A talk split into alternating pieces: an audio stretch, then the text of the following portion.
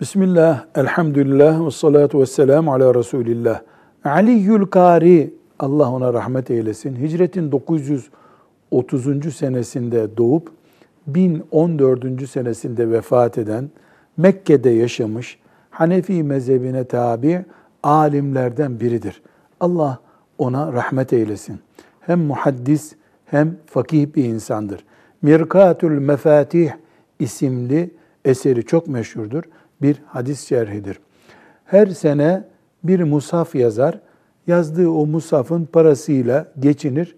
Kimseden para almaz, yardım almaz. Siyasetçilerden uzak durmaya çalışırmış. Ta o zamanlarda Allah ona rahmet eylesin. Hatta kendisine ait anlattığı hatıralardan birinde babası ona dua ederken alim olmandan da korkuyorum. Alim olursan siyasetçilerin kapısına gidersin, ilimden taviz verirsin. O yüzden alim olmasan mı geçiyor içimden dermiş ona Allah rahmet eylesin. Herhalde babasının duasının ihlası sayesinde Allah ona rahmet eylesin. Siyasetçilerden uzak durmuş, siyasetçilerin sofrasına oturmamış.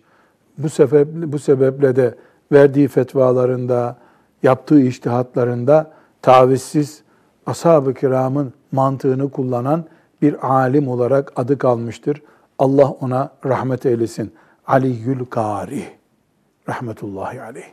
Velhamdülillahi Rabbil alemin.